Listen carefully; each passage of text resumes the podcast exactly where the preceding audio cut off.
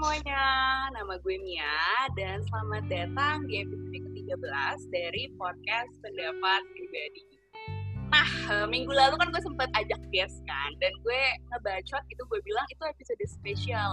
Dan sepertinya after kemarin gue sempat collab juga nih sama Shirley ya, ngomongin standar kecantikan di Indonesia, gue kepikiran, oke deh, kayaknya next next podcast gue kepikiran buat undang guest juga Kenapa? Karena hmm. walaupun sebenarnya gue senang banget juga sih, ada beberapa orang yang appreciate gue, terus bilang kalau suka sama podcast gue yang monolog, tapi kayaknya kalau kita ketahui ya, podcast monolog gue itu udah super banyak banget. Jadi kayak gue udah nge-produce 11 podcast monolog. Jadi buat kalian yang memang prefer buat mungkin lebih intimate gitu ya, cuman ada suara gue dan ketenangan alam dan mungkin sedikit suara-suara berisik mobil gitu ya, silahkan dengerin podcast gue yang sebelas sebelumnya.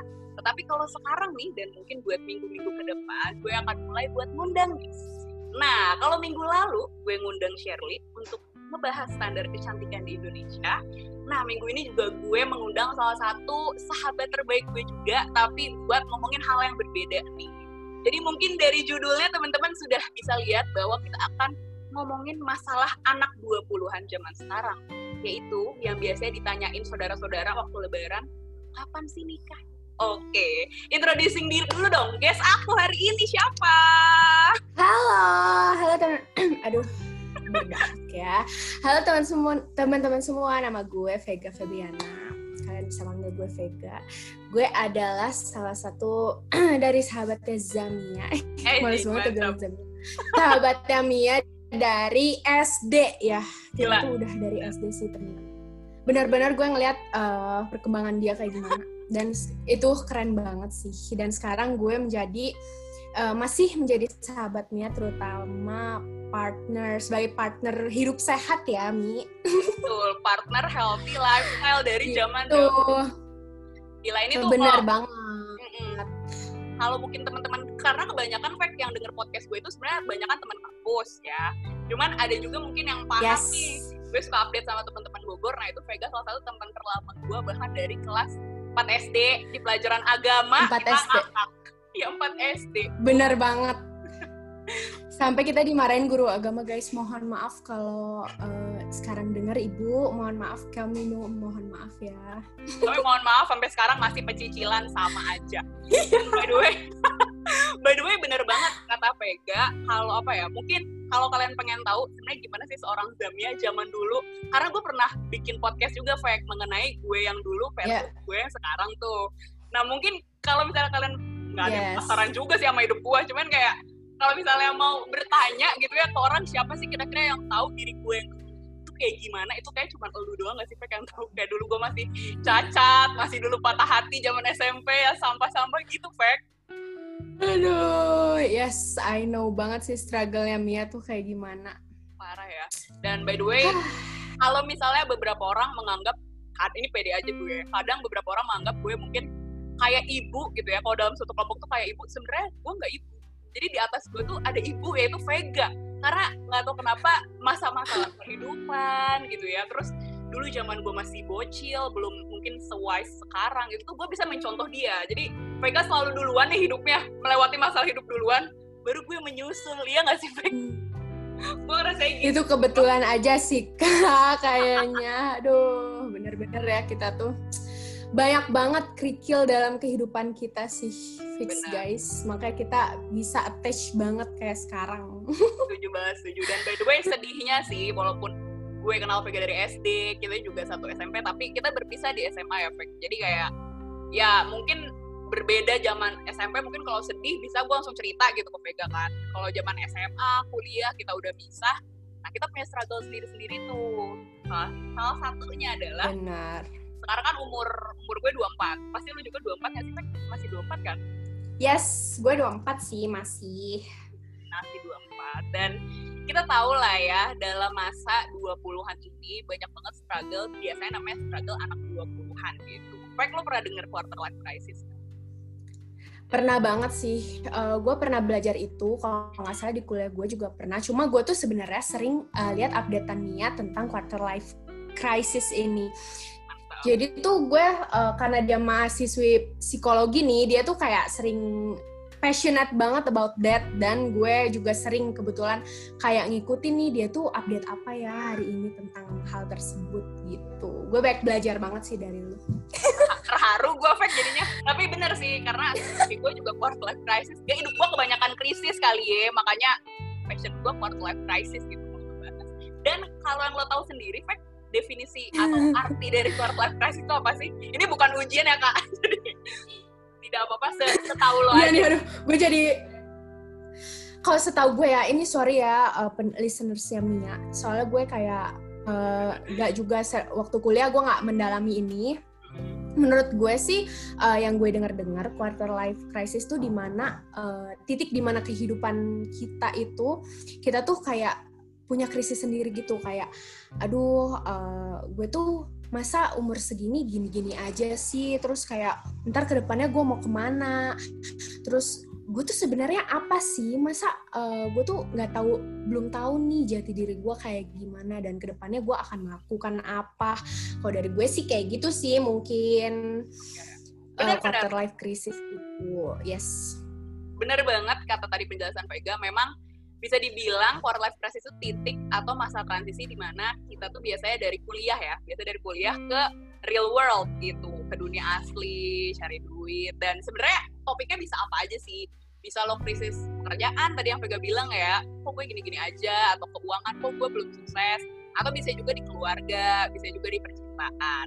Nah, sebelum kita masuk ke topik utamanya, Veg, lo sendiri mungkin pernah merasakan quarter life crisis atau sekarang sedang mengalami quarter life crisis biasanya dalam hal apa sih lo krisisnya? Kalau gue tuh gue tuh quarter life crisis itu bisa dibilang gue sekarang uh, ada di fase tersebut cuma gue tuh orangnya uh, kayak gini loh gue tuh sebenarnya orangnya tuh overthinking banget. Cuma kalau gue itu overthinkingnya itu disimpan kayak di dalam hati. Beda mungkin ya sama Mia. Kita tuh iya. bedanya itu. Kalau Mia itu bisa mengungkapkan apa yang sedang dia rasakan di dalam dirinya itu. Uh, dia itu seperti itu. Cuma kalau gue itu kebanyakan sih mendem ya karena uh, banget pihim. Apa ya menurut gue iya kayak dipendem gitu. Kayak menurut gue gue harus cerita ke siapa gue juga bingung. Karena yang bisa ngebantu gue itu diri gue sendiri. Nah gue tuh sering jeleknya gue gue selalu mikir kayak gitu.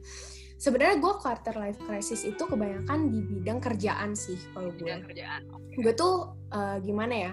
Iya di bidang kerjaan lebih ke situ. Gue kayak merasa kalau diri gue ini gini loh guys kalau di kuliah itu uh, lo bisa deh uh, beranggapan kalau lo tuh uh, pintar dalam segi akademik, lu pintar bergaul, lu pintar apa, karena uh, gimana ya, karena itu kalian menempuh pendidikan yang seragam, kayak misalnya gue kelas 1 ya temen gue juga kelas 1, kayak gitu, yeah. semester 1, gue semester 2, dia juga semester 2 gitu kan, beda guys bener-bener beda kalau lu masuk ke bidang pekerjaan. Lu akan merasa kayak kalau gue sih ya nggak tahu yang lain yang lain kan pasti punya ambisinya masing-masing.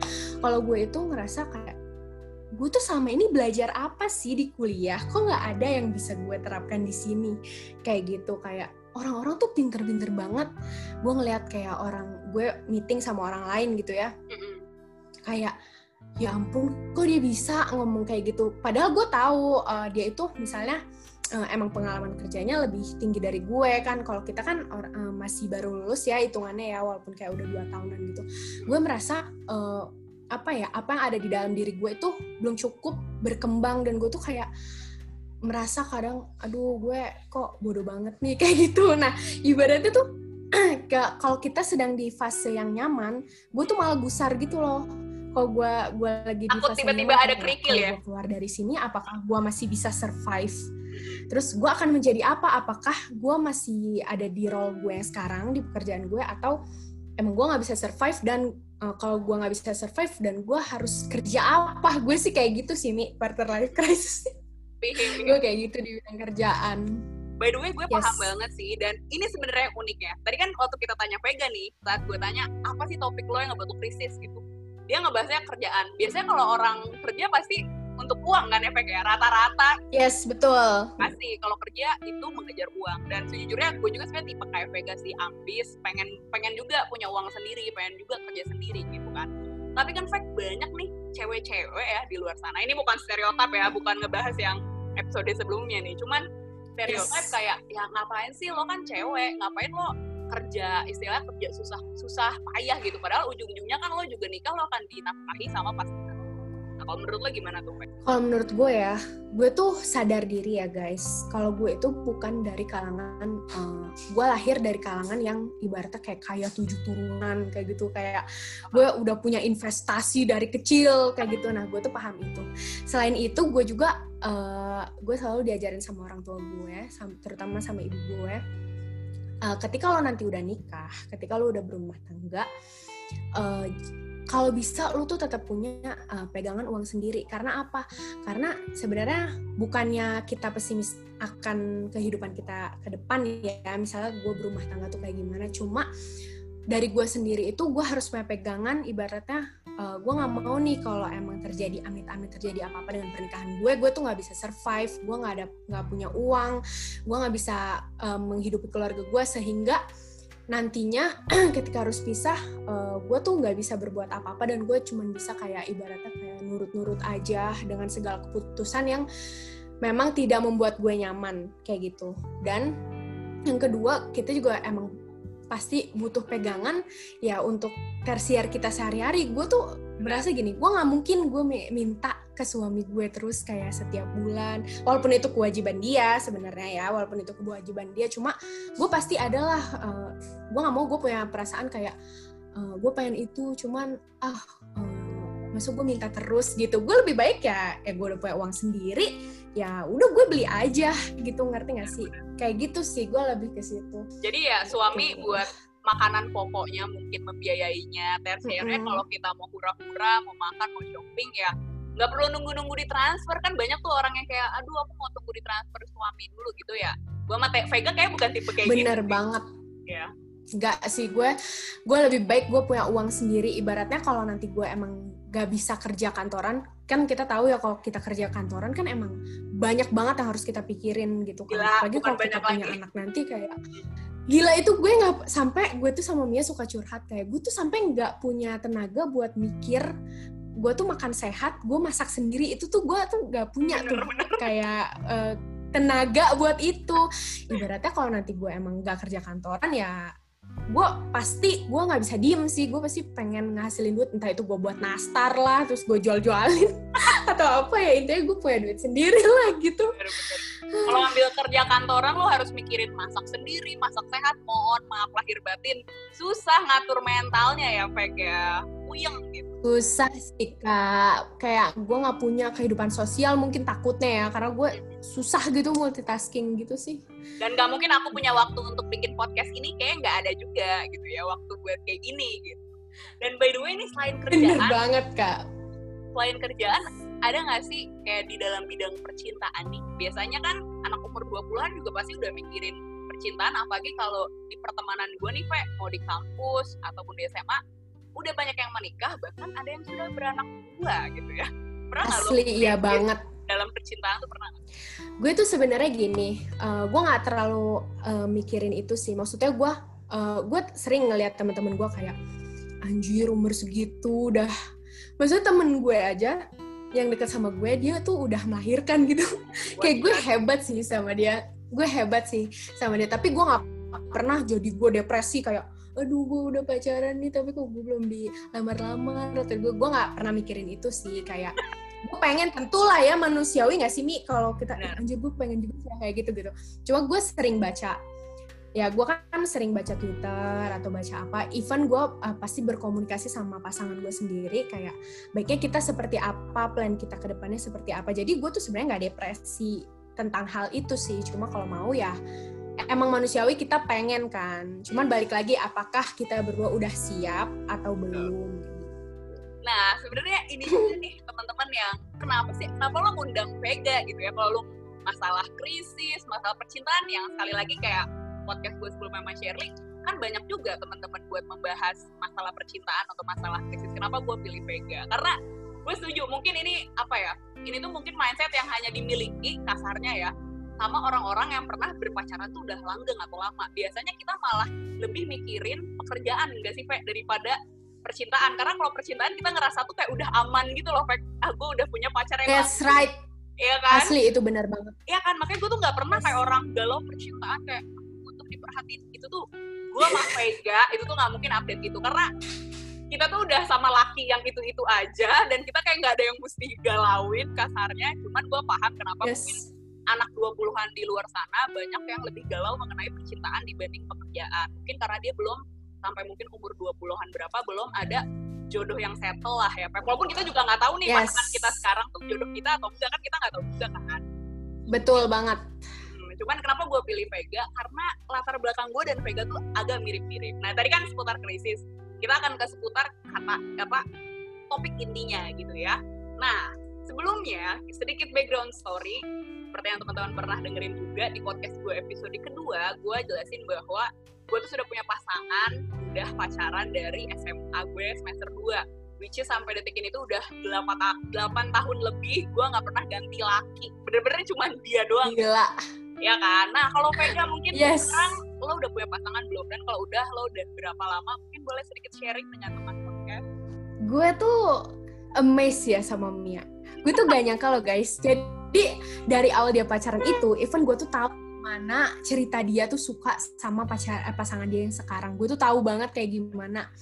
Terus gue nggak nyangka aja gitu tiba-tiba dia udah 8 tahun sekarang. Gue kayak lama banget udah dapat tahun. Sumpah itu lama banget sih. Kalau gue, gue udah punya pasangan, tapi gue eh, nggak selama Mia. Jadi pas SMA gue punya pacar juga, tapi kemudian hubungan gue kandas ya. Kandas di tengah jalan, tapi lumayan lama guys, lumayan Iya, iya, almost 4, 4 tahun. Nah sekarang sama pasangan gue sekarang juga udah, kayaknya gue udah 4 tahun deh, soalnya sekarang udah 2020 terakhir gue ketemu 2016 yes kayaknya tahun ini gue udah 4 tahun sih. Iya. gitu. Jadi memang apa ya sih mungkin kalau gue teman-teman ngeliat anjir Mia yakin 8 tahun? Iya tapi sebelum 8 tahun gue pacaran bentar yang dua minggu juga gue pernah pacaran dua minggu doang ya. Satu hari juga pernah gue. Pernah pernah pernah. Dia pernah banget kayak gitu dan ih sumpah. Makanya gue gak nyangka dia bisa tahan 8 tahun gitu dengan kepribadian dia yang benar-benar eh, harus gue bilang gitu ya. pasangan dia itu harus bisa eh, mengimbangi keseharian dia itu kayak gimana gitu sih. Bener-bener sih. Kayaknya kayaknya orang-orang juga yang pendengar udah paham betul sih personality gue yang Gemini banget. Maaf kalau zodiak tapi kayak heboh dan too much to handle gitu kan. Nah kalau Vega itu dari dulu tuh selalu lu langgeng-langgeng. Iya nggak sih Vega? Kayak selalu langgeng sih kayaknya. Tahu ya bertahun lah. lumayan sih. Tapi tahunan bener ya? Lumayan. Tahunan dari SMP gue SD sih enggak ya kak. Gila aja lu. Kita nggak usah mikirin SD walaupun sumpah zaman kita nggak tahu sih zaman gue gue SD udah pacaran kayak pacaran banget. ngapain loh lu udah pacaran banget. Eh sorry mantan mantan SD gue kita baik baik aja kan sekarang ya. Iya Jadi, iya mulai dari SMP eh gue follow followan kalau gue. Kalau gue follow followan nah dari SMP nah dari mulai SMP gue udah tahunan sih ah dari dari anjay bisa kelihatan ya yang kayak eh experience-nya banyak tuh Vega anjir. Dari dulu lu udah tahunan ya dari SMP anjir. Duh gue SMP sih aduh Iya, anjir. lah. parah parah. Nah nah ini juga nih tapi salah satu apa ya bisa dibilang bukan kekurangan juga sih pressure bagi orang-orang yang udah pacaran lama. Ya Vega nih udah 4 tahun. Yes. Gue udah 8 tahun. Kesan kesannya tuh ya kita udah emang kayak gak bakal cocok sama cowok lain udah udah image kita tuh adalah pasangan kita masing-masing sekarang nih ya kan? Nah kalau lo sendiri nih Fek apakah lo dan pasangan sudah ya gue paham sih pasti kalau yang langgeng udah pernah ngomongin plan ke depannya tapi apakah kalau lo pokoknya gue harus nikah sama pasangan gue yang sekarang nih atau lo kayak ya udah jodoh gak ada yang tahu gitu ya. Mungkin kalau suatu saat memang gue diharuskan berpisah karena banyak loh Fek, orang yang udah bertahun-tahun bahkan 12 13 tiba-tiba ternyata jodoh orang gitu loh yang dijagai gitu Astagfirullahaladzim. Ya ya ya. Paham kan? Nah kalau lo sendiri gimana? Um, gue tuh guys, sumpah gimana ya kalau gue dibilang, gue sebenarnya eh, gue nggak pernah ada pikiran ke situ sih, kayak kayak orang-orang kayak yang ah gue belum tentu nih sama dia kayak gitu, ah gue namanya juga jodoh siapa yang tahu gitu kan, emang sebenarnya realistisnya kayak gitu, cuma kalau gue pikir-pikir, gue kayak nggak mampu deh, gue kayak nggak mampu kalau misalnya dia bukan jodoh gue enggak ya Allah bukannya aku memaksa tapi boleh ya. Ya Allah aku maksa dikit. Jodohnya kayaknya- dia ya Allah gitu ya. Iya please jodohnya dia gitu. Even gue tuh eh, nggak tahu sih gue emang orangnya kayak gini dari dulu ya. Kalau Mia tuh orang yang gemini banget gue tuh emang Pisces banget eh sebenarnya Jadi gue tuh apa Aquarius sih Fek kalau eh oh iya ini F ini FYI buat temen eh, listenernya Mia. Sebenarnya gue tuh dari dulu itu tergantung tabloid. Karena gue 19 Februari kadang tabloidnya itu Aquarius tapi kadang gue juga Pisces. Tapi kebanyakan Pisces nih sekarang. Gue juga nggak tahu sih ken- kenapa kayak gitu. Oke balik lagi ke pertanyaannya.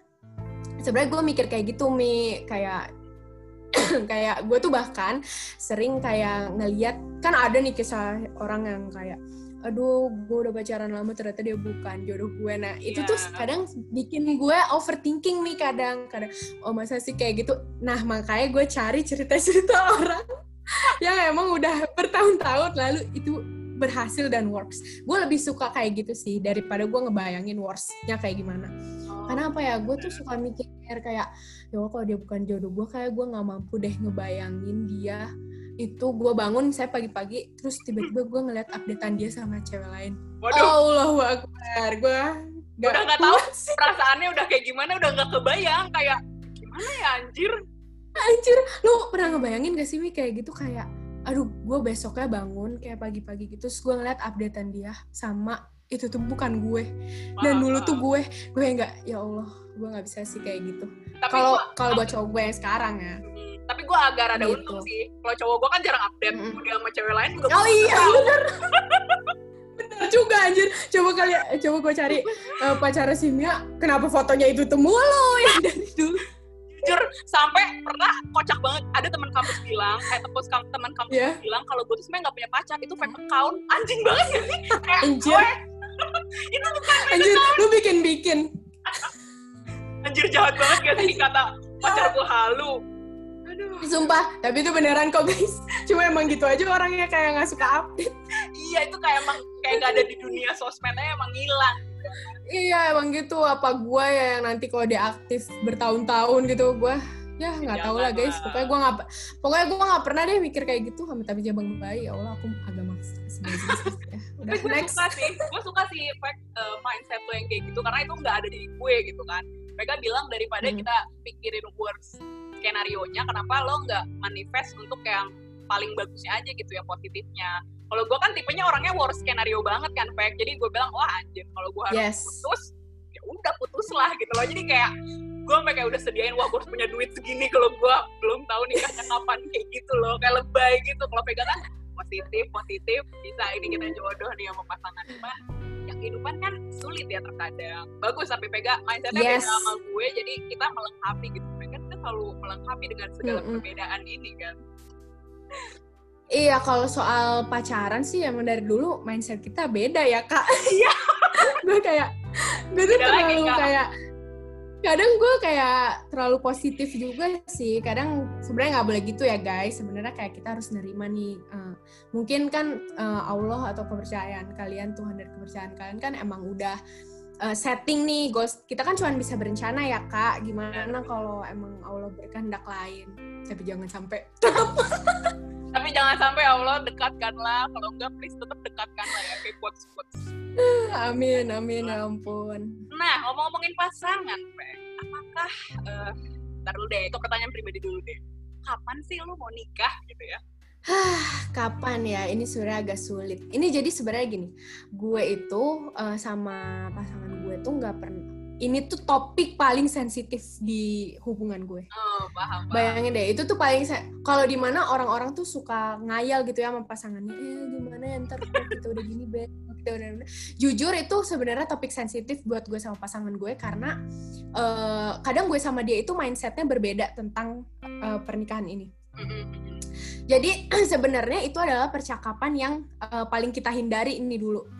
Cuma gue waktu itu sempet ngobrol sama dia, tapi kita nggak bisa nih kayak gini kan, karena emang umur kita udah segini ya udah face the truth, we have to talk about that kan, kayak kayak kita ya emang kita harus eh, ngomongin itu gitu, tapi sebenarnya kalau ditanya kapan gue nggak bisa jawab kapan ya. Mungkin kayak doain aja temen-temen semuanya lancar pekerjaan lancar apa okay. lancar sehingga apa yang kita rencanain kan pengennya kan tercapai ya kak semuanya gitu. Tapi gue nggak bisa jawab sih kalau kapan umur mungkin ya. dari umur aja patokan umur aja gimana nih?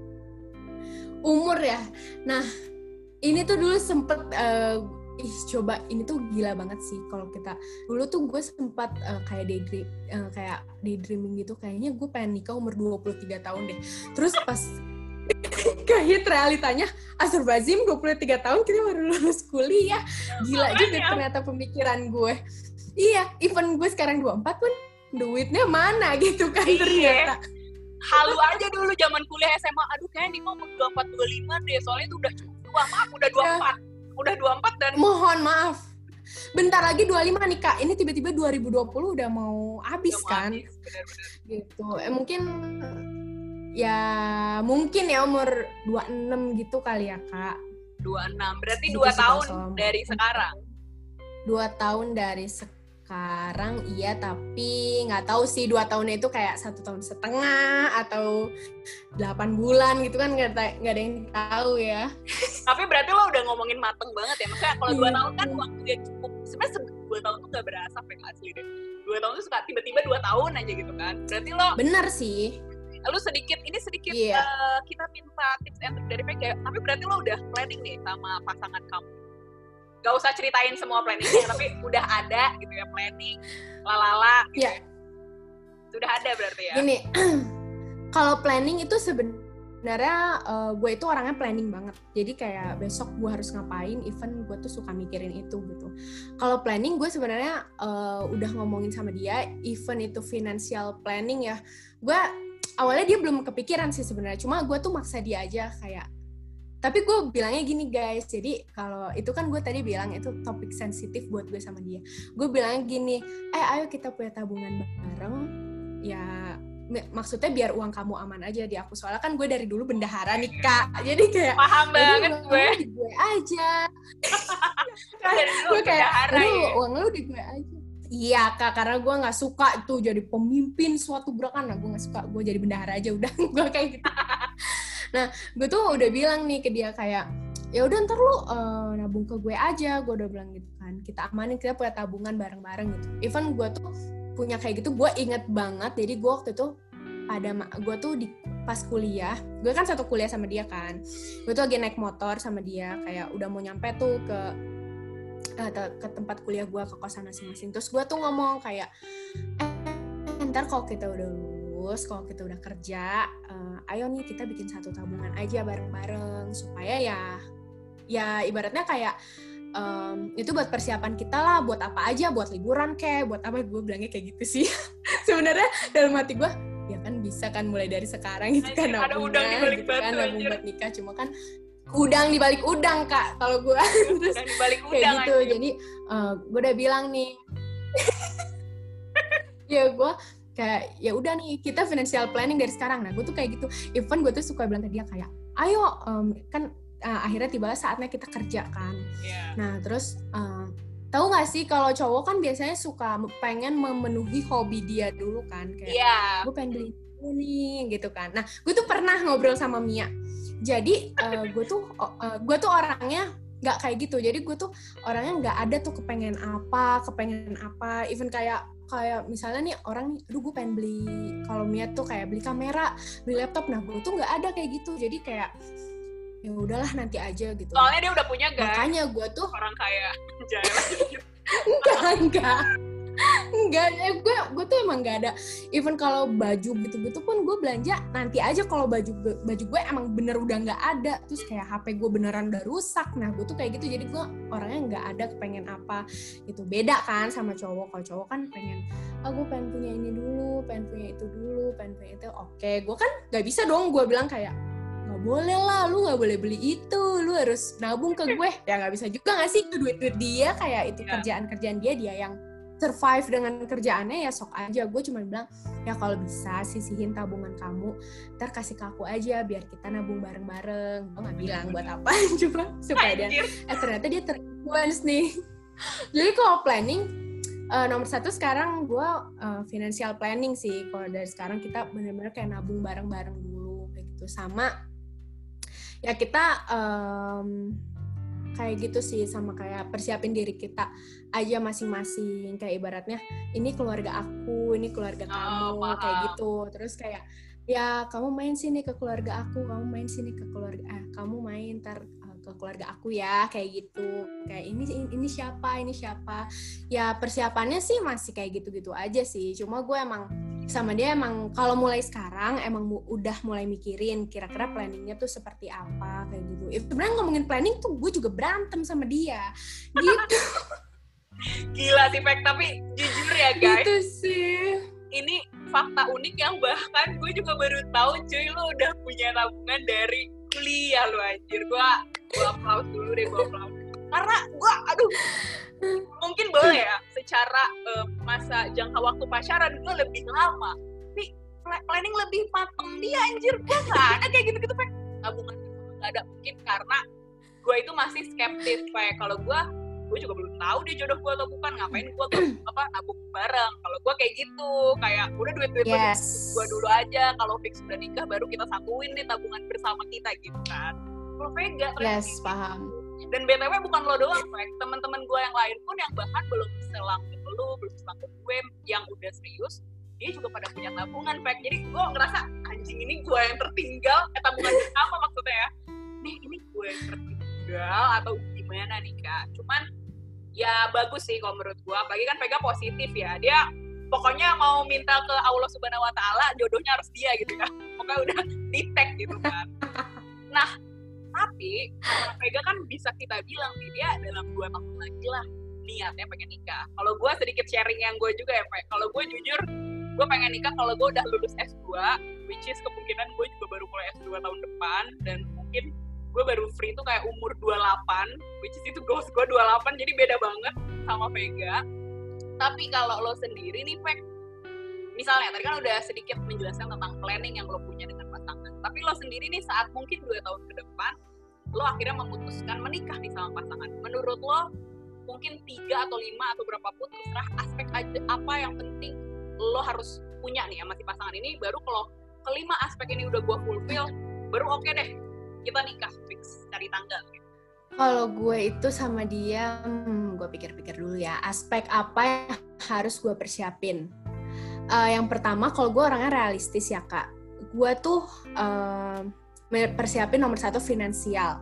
Okay. Ada orang, ada aja orang yang bilang kayak, oh nikah aja dulu, nanti kan uh, katanya kan nikah bawa rezeki, gitu kayak anjir lah gitu kan. Nanti kan nikah bawa rezeki, ntar juga rezeki datang sendiri. Kalau gue tuh sama dia orangnya sebenarnya realistis, kayak ya nih misalnya nih kita planning ini kita mau ini. Nah kalau misalnya uangnya kita uh, pakai buat ini berarti uang kita habis dong harus uh, harus tabung dari nol lagi kayak gitu kan kak?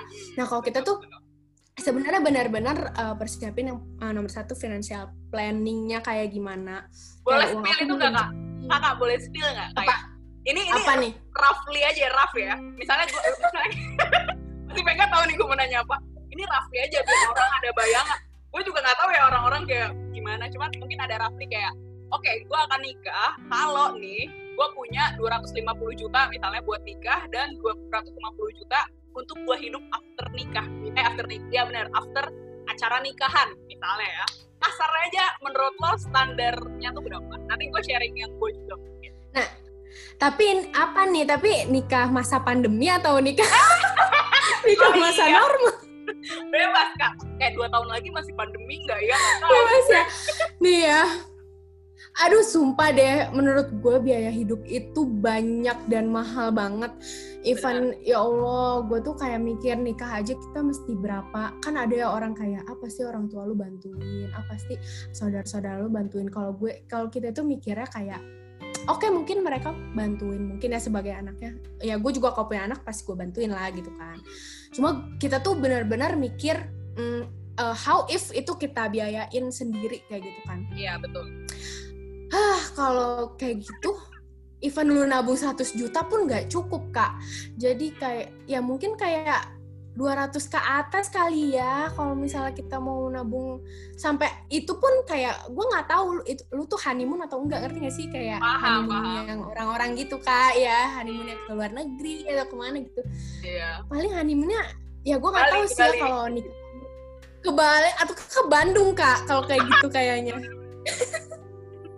Eh, gue gak ngatain honeymoon orang ya guys, ini gak ngatain ya, cuman ya, iya iya sumpah sumpah sumpah enggak.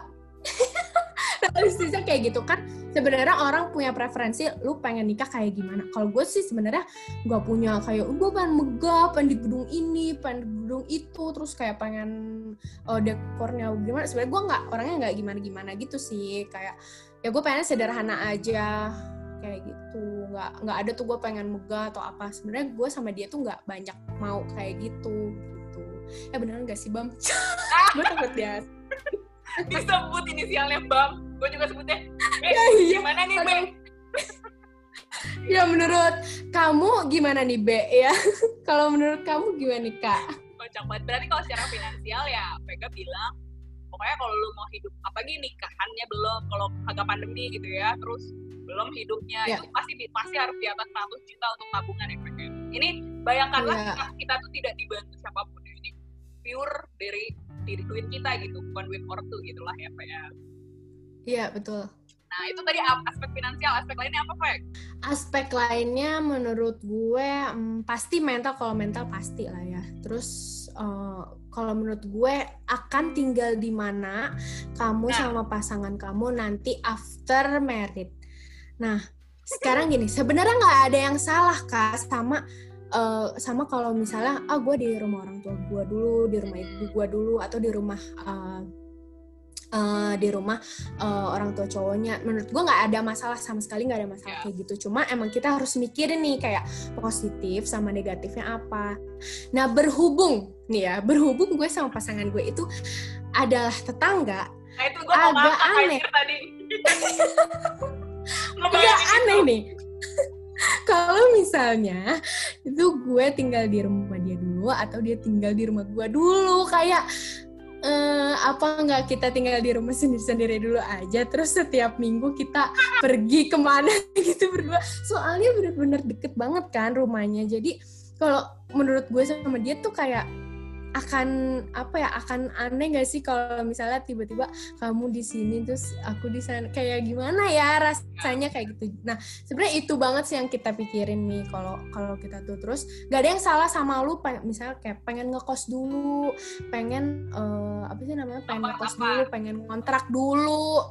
Terus kayak pengen KPR ya, itu terserah dan itu pilihan kalian. Cuma kalau menurut gue sama pasangan, gue pengennya after married itu kita udah punya eh, tempat sendiri gitu bukan gara-gara apa-apa. Cuma karena yang pertama akan aneh nih kak. Kalau misalnya gue sama dia yang tetanggaan tinggal di salah satu rumahnya kayak Betul, gitu. Betul. yang kedua gue sebenarnya eh, nyokap gue sama orang tua eh orang tua gue tuh udah bilang kayak ketika lo nikah eh, at least lu udah tahu arah lu lu mau eh, lu mau benar-benar planning mandiri ke depannya tuh kayak gimana. Jadi nggak ada bayang-bayang orang tua di hidupnya. Terserah kamu misalnya eh, menurut pendapat kalian aja kalian baiknya kayak gimana. Nggak usah ada bayang-bayang kita lagi. Kan emang itu pilihan kalian kayak gitu. Jadi ya udah pure kalau udah nikah ya pure mandiri aja. Kok gue sama orang tua gue kayak gitu sih. Mantap, gila. Emang paling paling pas nanya ke Vega sih, karena gue kagak semangat dia guys. Gue ngeliat gue orang pacaran 8 tahun, udah emang kayak orang pacaran aja ya. Kita ya udah dia ngurusinnya nanti aja kalau lu udah lulus gitu ya. Bercanda. Bercanda sayang. Oke oke. Lanjut apa lagi, Pek? Aspek selanjutnya. Selain pastinya harus ada tempat Eh, apa ya Iya, gue yang kedua itu tempat tinggal karena akan aneh. Yang ketiga adalah pastinya mental kan. Nah, Kalau lu nikah kan pasti udah tau lah orang-orang pak banyak banget nih yang ngomongin di Twitter, di Instagram lain. Pasti mental itu pasti itu eh, harus lu siapin. Kayak ibaratnya lu tahu nih lu udah pacaran selama-lama apa pun ketika tinggal bareng kan pasti ada dong kayak kebiasaan yang gak lu suka karena kita itu adalah lahir di keluarga yang totally different Benar. ya nggak sih kayak nggak ada nggak ada. Misalnya event keluarga gue sama Mia yang kayak udah ber eh, apa berdampingan berabad-abad tuh punya beda punya beda apa ya beda culture di keluarganya. Iya. misalnya nih di rumah gue itu kagak ada ngomongnya nggak ada yang kenceng nih. Kayak dari gue tuh ngomongnya ngomongnya nggak ada yang kenceng. Kayak kak kamu kayak gini-gini ya. Kak bangun. Kayak gitu. Nah ketika gue nginep di rumah dia gue kaget. Kayak Mi bangun! Gitu gitu. Terus gue tuh kaget. Terus isinya gue kayak bacot gitu. Woi apa woi kebas gitu. Dan suaranya gede-gede guys. Bener-bener gede. Kakaknya adeknya semuanya tuh gede-gede. Lah even itu pun gue tuh jadi culture culture shock gitu ya. Gimana kalau kita sama keluarga kita ibaratnya dia cowok kita cewek. Pastilah uh, dibesarin di keluarga yang uh, apa sih kayak culture-nya beda-beda gitu yeah. kan. Yang pasti ada aja beda misalnya kayak taruh anduk sembarangan, an taruh anduk basah di ini kasur itu kan pasti bakal beda kan. Gitu sih kayak itu mental benar-benar harus dipersiapin. Terus mau lusuk terus gini guys kita kalau nikah kan emang pasti kita bukan nikahin dia doang kan. Yeah. pasti kita nikahin keluarganya doang. Nah ada perbedaan antara gue sama dia gue itu orangnya uh, family yang uh, gimana ya kayak ke barat-baratan lu tau kan mi? Kayak ya udah kita family ini tapi jarang bikin gathering kayak jarang bikin up, bikin acara keluarga. Kayak lu tahu nih kayak kak ini loh tante kamu kak ini paman kamu. Jadi jadi ketemunya kadang by accident. Oh ini kan tante kamu. Lah gue kan kayak oh iya ya iya gue gitu. Nah kalau pasangan gue ini dia adalah family guy banget. Jadi kayak yang kayak setiap minggu kumpul sama keluarga setiap keluarga minggu, besar ya atau keluarga inti? Iya keluarga besar. Keluarga besar sih kalau kalau dia kadang uh, banyak nih yang harus gue tahu kan. Oh iya bang ini tante kamu nih kamu. Jadi kayak emang kita juga harus persiapin itu gitu ibaratnya. Kayak kita harus mengenal karakternya kayak gimana. Ibaratnya kan eh, nggak uh, semua orang tumbuh di keadaan yang ya balik lagi kan nggak semua orang tumbuh di uh, dalam keluarga yang sama. Jadi kayak kita gue sih ya kalau gue amati nih oh kebiasaan keluarganya kayak gimana gue harus kayak gimana gue harus beradaptasi seperti apa gue harus bersikap kayak apa gue harus uh, oh ini yang nggak boleh oh ini yang uh, boleh. Gue harus banyak tanya juga ke dia kan kayak bang emang ini gue boleh nggak kayak gini? Gue boleh nggak kayak gitu kayak gitu? Itu kan menurut gue itu yang paling uh, uh, itu sebenarnya benefit buat gue ya. Kayak uh, gue bersyukur gue udah dikenalin dengan keluarganya siapa uh, keluarga dia kayak gitu. Ada kan orang yang emang ya nanti aja lah nanti aja kayak gitu. Jadi gue bisa siap-siap dari sekarang gue bisa adaptasi dari sekarang gitu kan. Gila thoughtful banget kan udah sih itu aja sih. Berarti tiga. Jelas sih sih itu aja. Sumpah, Kenapa? sekali lagi, sekali lagi ya guys, udah gue bilang kayak enggak sih emang gue juga terkenal di kampus gue dengan kebacotan gue dan gue tipenya planning, tapi gue mungkin ada wise dikit, tapi memang di teman-teman gue di Bogor ini terutama Vega kayak wise-nya kebangetan anjir. Ini bener-bener sampai dia mikirin gue harus beradaptasi lebih dulu sama keluarganya. Anjir kagak ada kayak gitu, -gitu di otak gue Veg gue kayak oh, udahlah. Kayak yang kembali lagi ke pertama udahlah nikah juga nggak tahu kan pasti nikah tuh cuman itu negatifnya gue yang gue harus belajar dari Vega berarti pastinya ya. Dan by the way nih, tadi kan ada tiga aspek berarti. Dari finansial, terus dari tempat tinggal, sama satu lagi adalah mental. Tapi ini sebenarnya ini nyambung ke finansial juga mungkin ya. Tapi kalau kayak kendaraan yeah. Kayak mobil, motor, apa kamu pengen yang pokoknya gue nikah harus punya mobil atau bener enggak lah gue naik uh, grab, gue bukan bojek bongkar gitu juga oke aja lah atau gue harus punya mobil nih. Nah ini dia guys.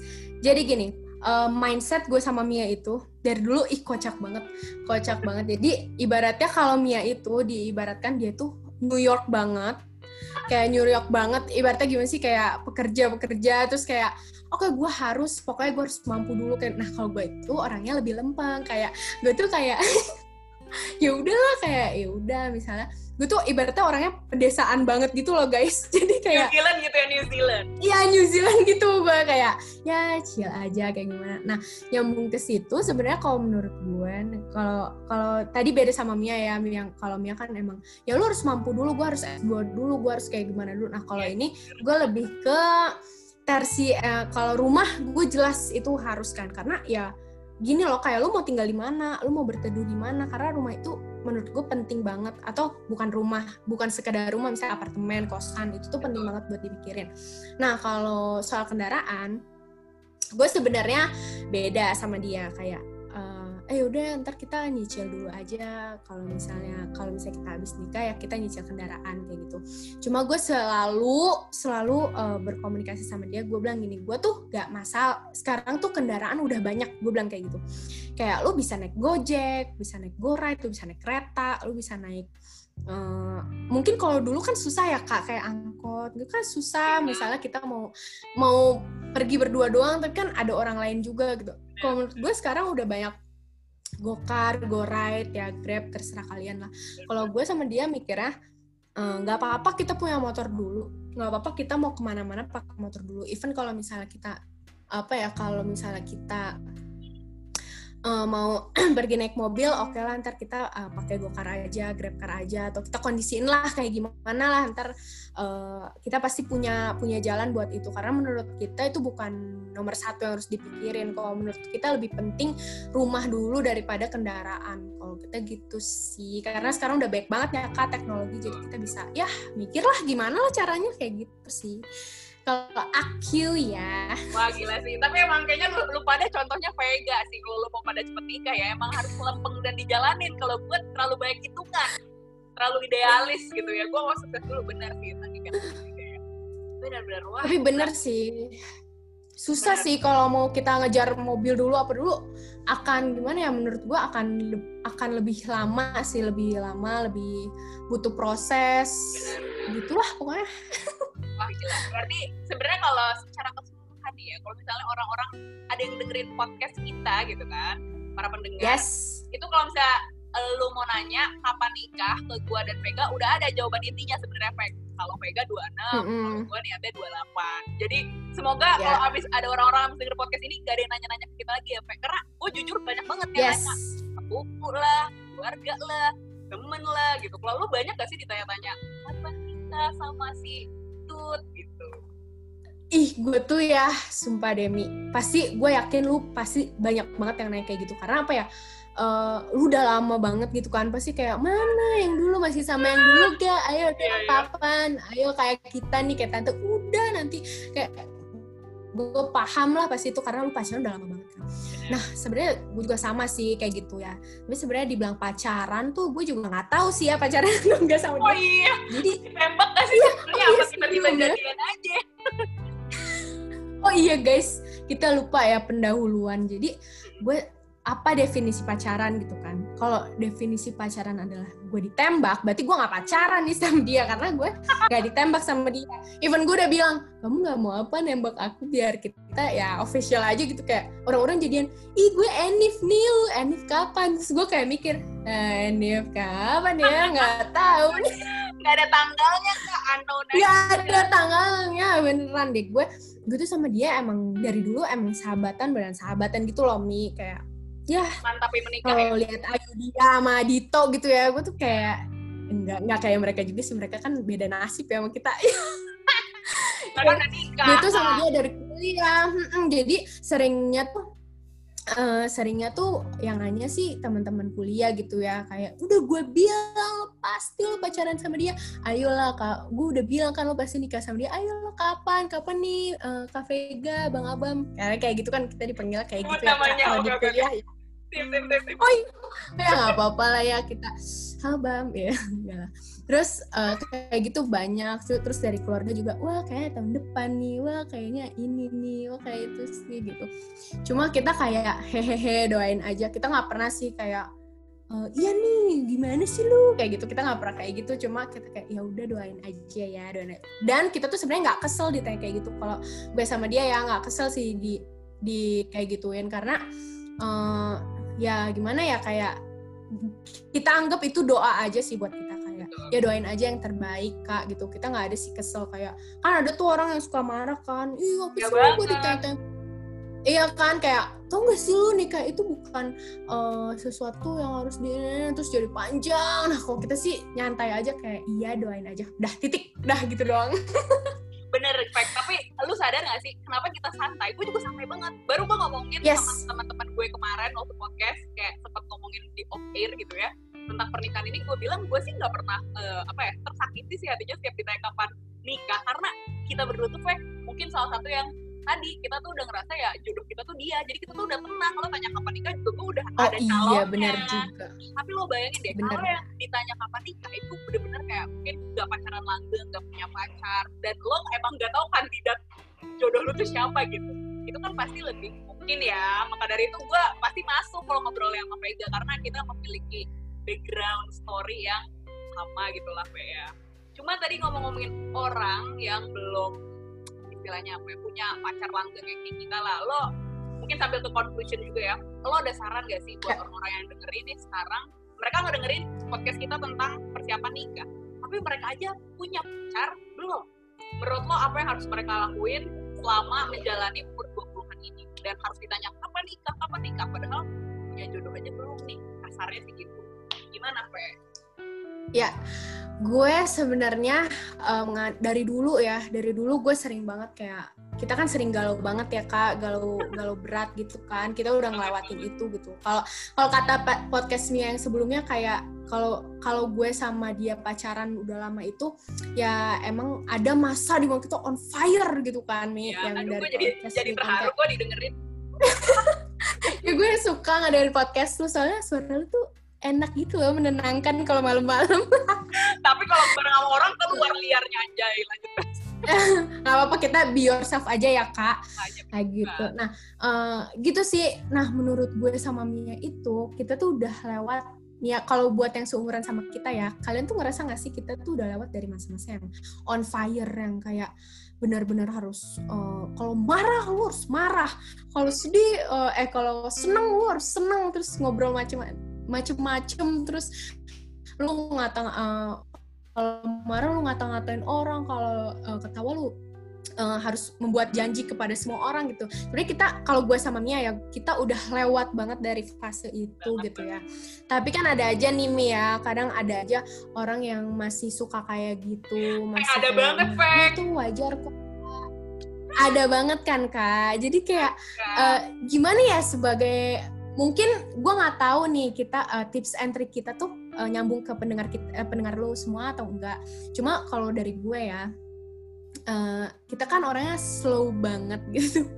Jadi kalau menurut gue kalau lo belum punya pacar atau even lo masih ragu dengan pasangan lo kayak sumpah santai aja kayak santai aja hidup kalau menurut gue hidup tuh panjang banget lu bahkan nggak tahu besok tuh lu uh, apa ya besok tuh akan terjadi apa dengan hidup lu. Even gue tuh kadang suka overthinkingnya itu kayak besok gue kayak gimana tuh nggak ada yang tahu gitu kan.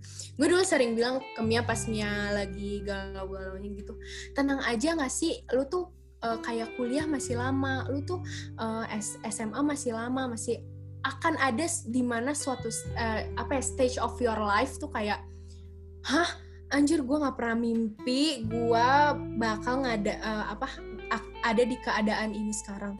Gitu tuh lu tuh nggak nggak bakal bisa nebak hidup lu kayak apa guys. Bener deh. Tapi kalau gue daripada gue mikirin yang negatifnya kayak misalnya aduh gue pengen punya pacar nih gue begging ya Allah gue pengen punya pacar atau gue pengen punya ini pengen punya ini kalau menurut gue sih lu jalanin aja hidup lu sebaik-baiknya. Oke lu kalau mau kalau misalnya lu mau uh, apa ya kayak lu mau berusaha lu punya pacar jangan terlalu apa ya jangan terlalu eh cariin gue pacar dong.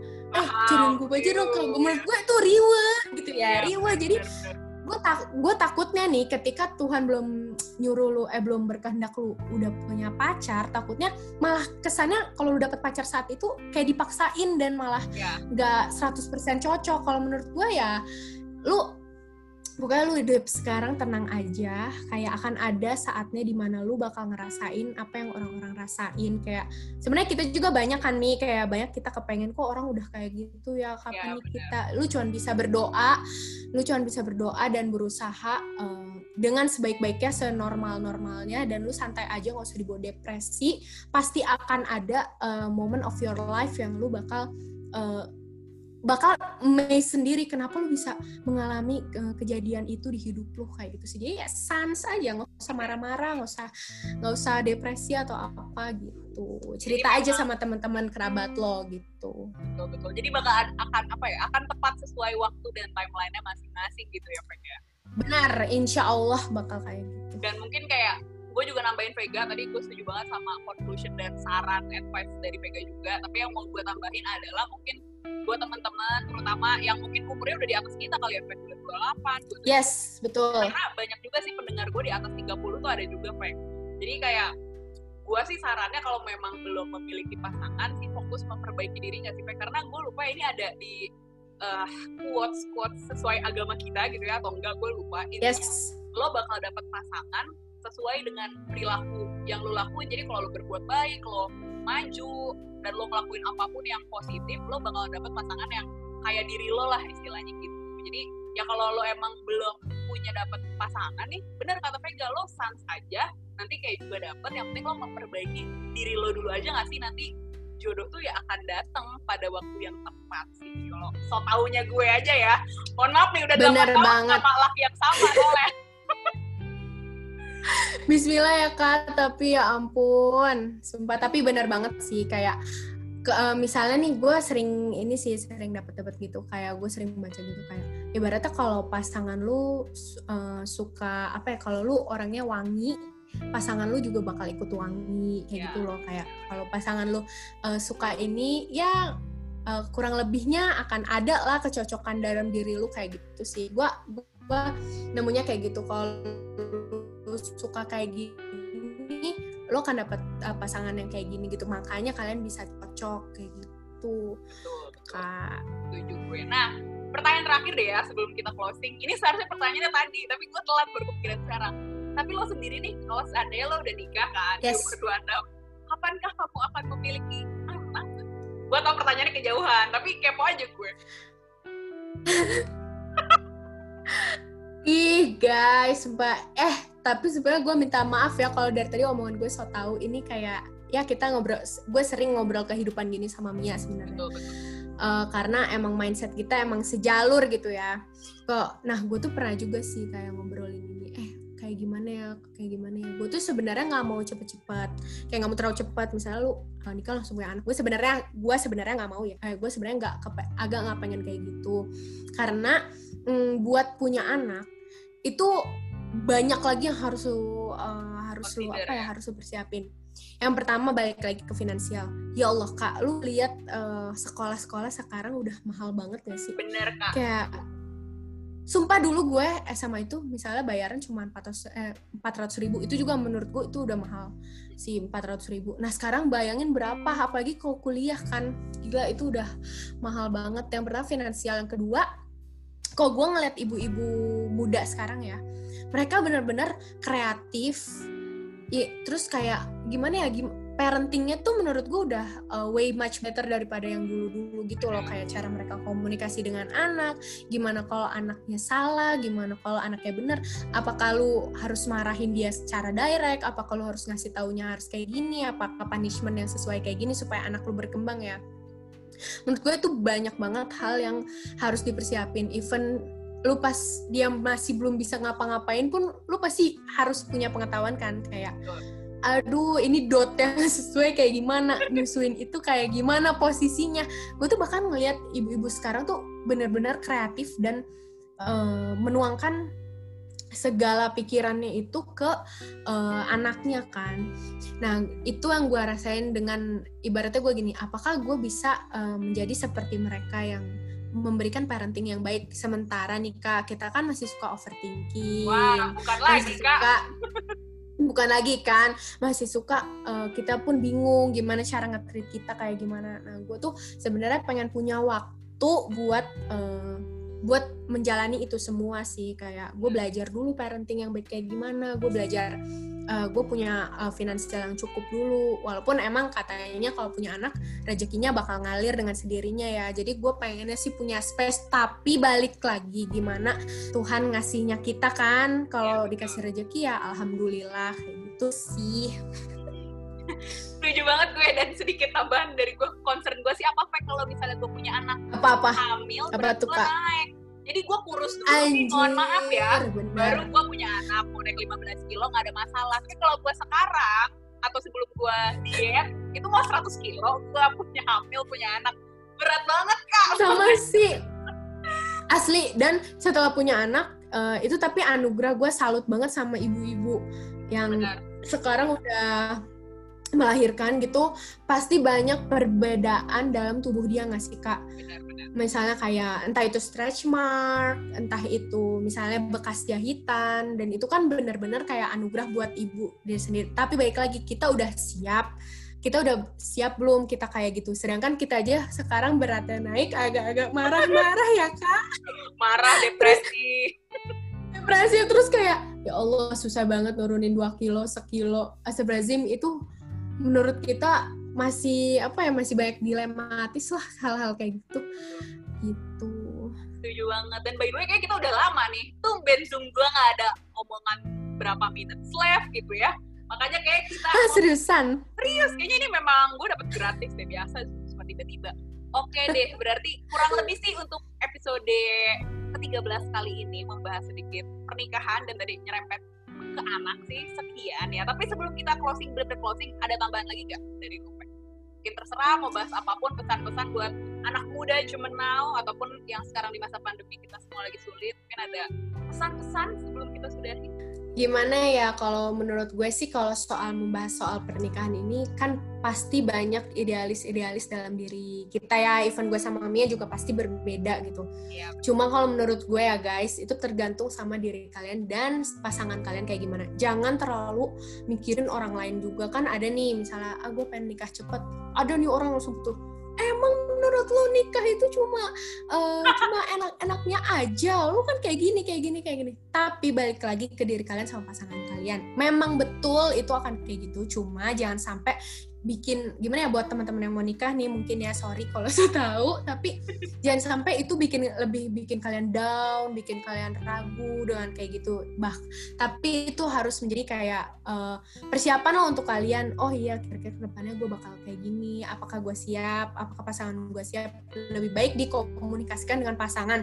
Jangan sampai tiba-tiba lu sama pasangan lu kayak tiba-tiba kok kamu berubah sih? Overthinking terus dia pusing gitu. Itu tuh bakal memperibet uh, apa ya? Memperibet uh, hidup lo jadi kayak santai aja. Terus kalau orang yang mau gue belum mau nikah gue masih mau nikahnya lama. Ya nggak apa-apa nggak nggak ada masalah dengan uh, lu mau nikah cepat mau nikah lama eh, ya yang penting kamu sama pasangan kamu siap dengan segala uh, apa ya persiapannya seperti apa. Nggak usah terlalu banyak dengar omongan negatif tapi yang positifnya lu ambil aja. Kayak gitu sih kak kalau dari aku. Oke mantap thank you so much ya Vega. Gila gue aja mendapatkan banyak insight. Semoga teman-teman podcast juga mendapatkan banyak insight ya. Oke guys by the way nih mungkin di minggu-minggu depan gue bakal collab lagi sama yang lain dan by the way juga memang sudah ada beberapa orang ya kemarin bersedia untuk collab collab gaya banget gue untuk menjadi guest star di podcast gue. Jadi untuk kalian yang waktu itu sempat komen di question box gue di Instagram tenang aja kalian akan aku approach dengan segala segala detail-detail proses rekaman yang gimana. Jadi tenang aja ya guys. Oke sekali lagi thank you so much Vega yang udah hadir di episode ketiga thank you Thank you, thank you banget Mia, thank you banget Mbak. Banyak banget yang gue dapet dari lu juga. Pokoknya keren banget podcastnya. Terharu, dengerin terus ya. Ini malah pro. Ih, pasti dong, pasti dong. Iya, oke deh guys. Kalau kayak gitu, see you on the next podcast. Bye. Bye-bye.